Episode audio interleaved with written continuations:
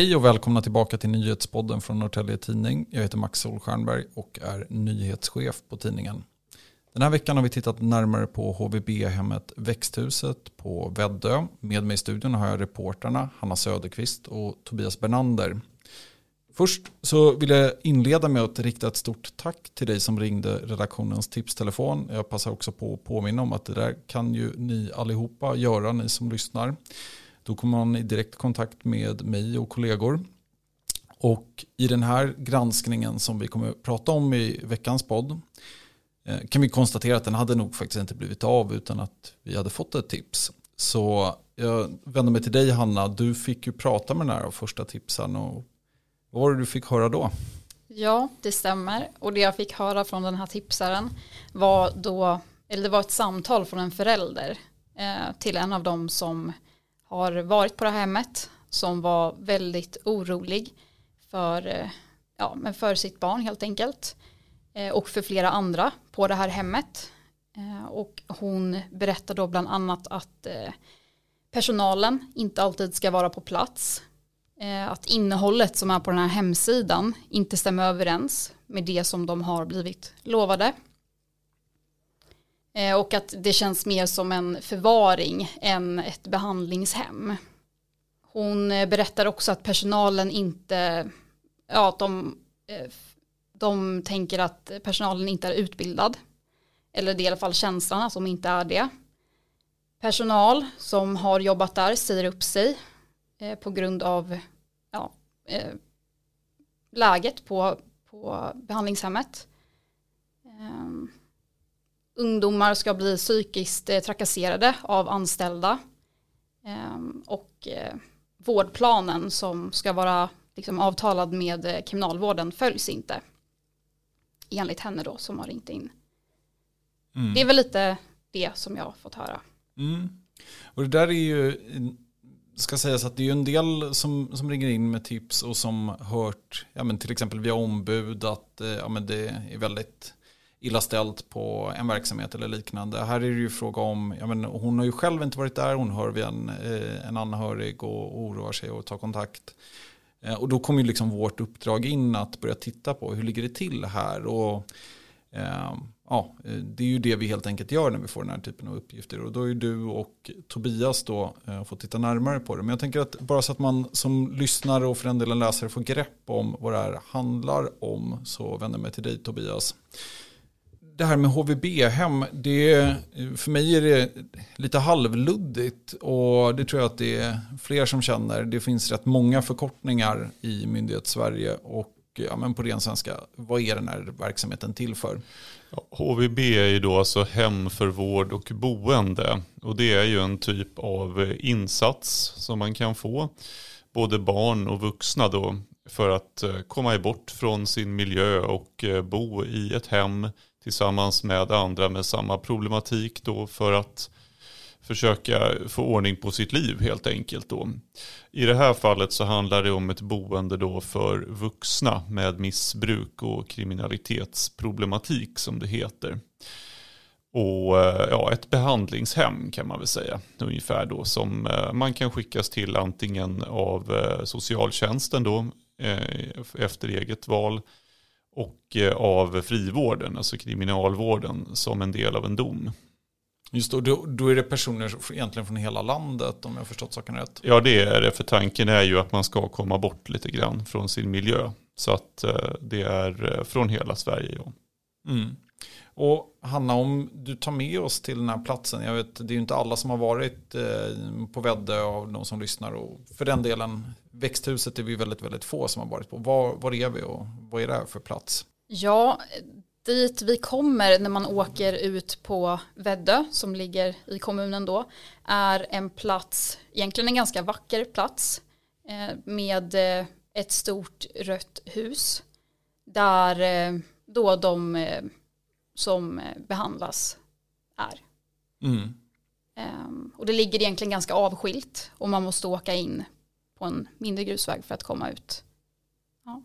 Just det, och det är rätt känt egentligen bland eh, många vädderbor. Får jag trycka in i, prata med en kollega här och just att det, ja, det har ju funnits liknande verksamhet där i många år. Så att det är många Väddöbor i alla fall som känner till platsen. Sen är det ju kanske inte en angelägenhet för hela kommunen. Det finns ju fler hem också ska sägas runt om i kommunen.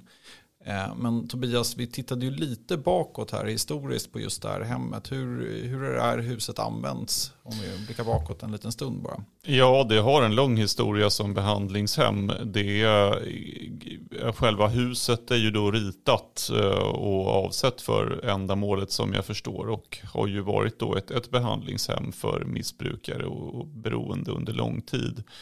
Och eh, det har också tidigare kommit klagomål från Socialstyrelsen till exempel 2010 så fick man flera anmärkningar för att det under den dåvarande regin saknades föreståndare och lite sådana här saker då.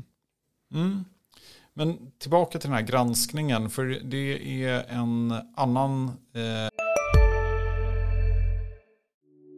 Hej, Ulf Kristersson här.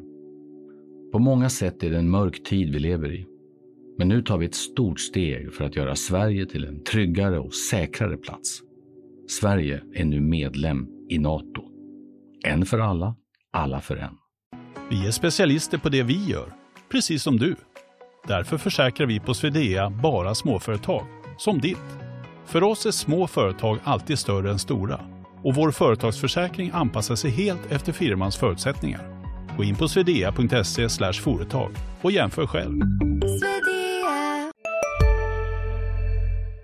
Ägare idag, Valbo heter de och det liksom allt som hänt bakåt kan man ju inte göra gällande så här, eh, här och nu. Men det vi gjorde efter det här tipset, eller det ni gjorde ska sägas, det är att ni har pratat med väldigt många personer som har insyn i verksamheten på Vedde. Och Hanna, alltså, vad är det ni har fastnat för här? Ja, det stämmer. Och det vi har fastnat vid är att det verkar vara väldigt eh, många som har bott eller är boende på det här hemmet som far illa på en del olika sätt.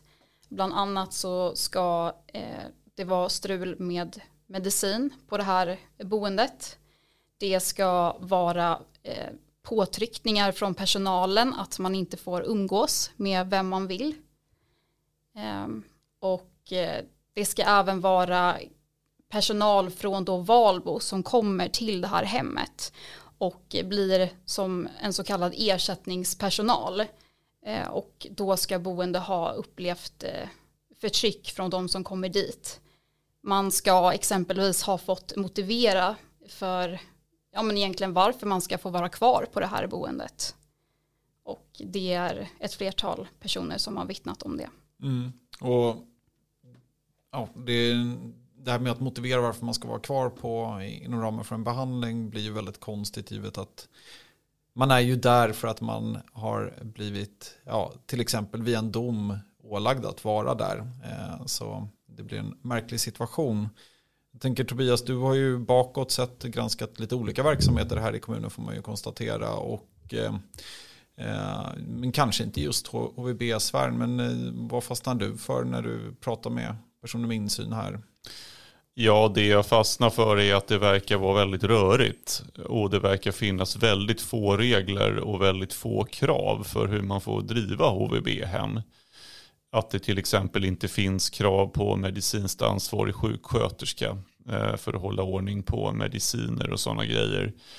Men eh, också att en stor del av eh, terapin verkar vara högst ovetenskaplig och eh, inte vila på några särskilda grunder alls utan mera vara idéer som eh, sprids och har en, en spridning liksom i, inom den här rörelsen. Eh, eller vad ska jag säga?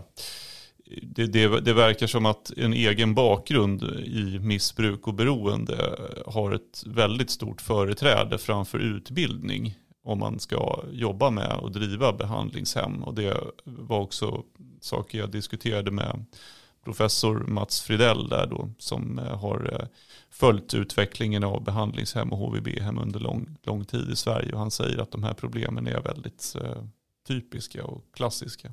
Mm. Och jag tänker vi har försökt få tag i företrädare för eh, bolaget bakom, här bolaget Valbo. Och där har ju ni båda varit i ja, försök till kontakt. Hanna, vad, vad säger man egentligen? Ja, till en början så var vi då i kontakt med, med själva växthuset. Där de, ja, där de bor helt enkelt och mm. där de arbetar. Och de hänvisade oss då till, till Valbo, de som då äger växthuset. Och då har både jag och Tobias pratat med eh, Mikaela Moberg och eh, Nils Siton som är högt upp, uppsatta i, i företaget då. Eh, som eh, Nils, vdn där, hänvisar till Mikaela som inte vill ge någon kommentar. Och när man då försöker att eh, förklara vad det är det handlar om så, så avbryter hon en och eh, ja, återigen vill hon inte prata. Och till dig så la hon ju, la hon ju på luren. Mm. Det där är ju väldigt krångligt för oss för att vi har ju så att säga, vi gör ju vårt bästa i att undersöka är det här eh, uppgifter som stämmer till att börja med. Är det uppgifter som eh, stämmer och är problematiska till den grad att de är nyhetsmässiga.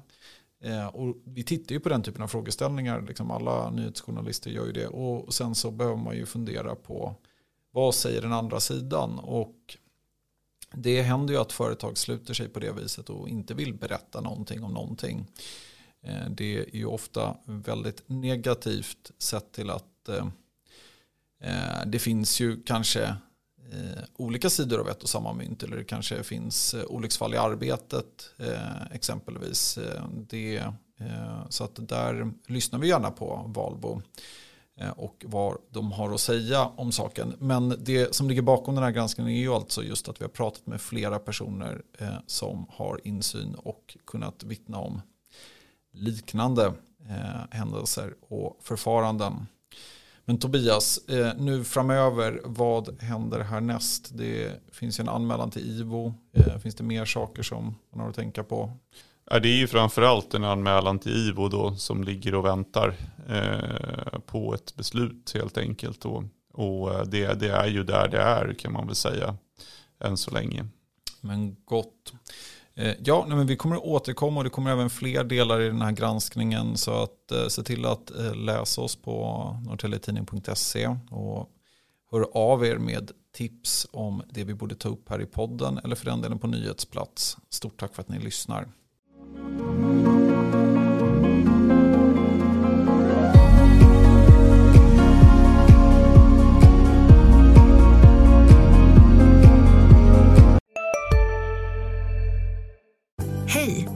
Synoptik här. Hos oss får du hjälp med att ta hand om din ögonhälsa. Med vår synundersökning kan vi upptäcka både synförändringar och tecken på vanliga ögonsjukdomar. Boka tid på synoptik.se. Hej, Susanne Axel här. När du gör som jag och listar dig på en av Krys vårdcentraler får du en fast läkarkontakt som kan din sjukdomshistoria. Du får träffa erfarna specialister, tillgång till lättakuten och så kan du chatta med vårdpersonalen. Så gör ditt viktigaste val idag, lista dig hos Kry.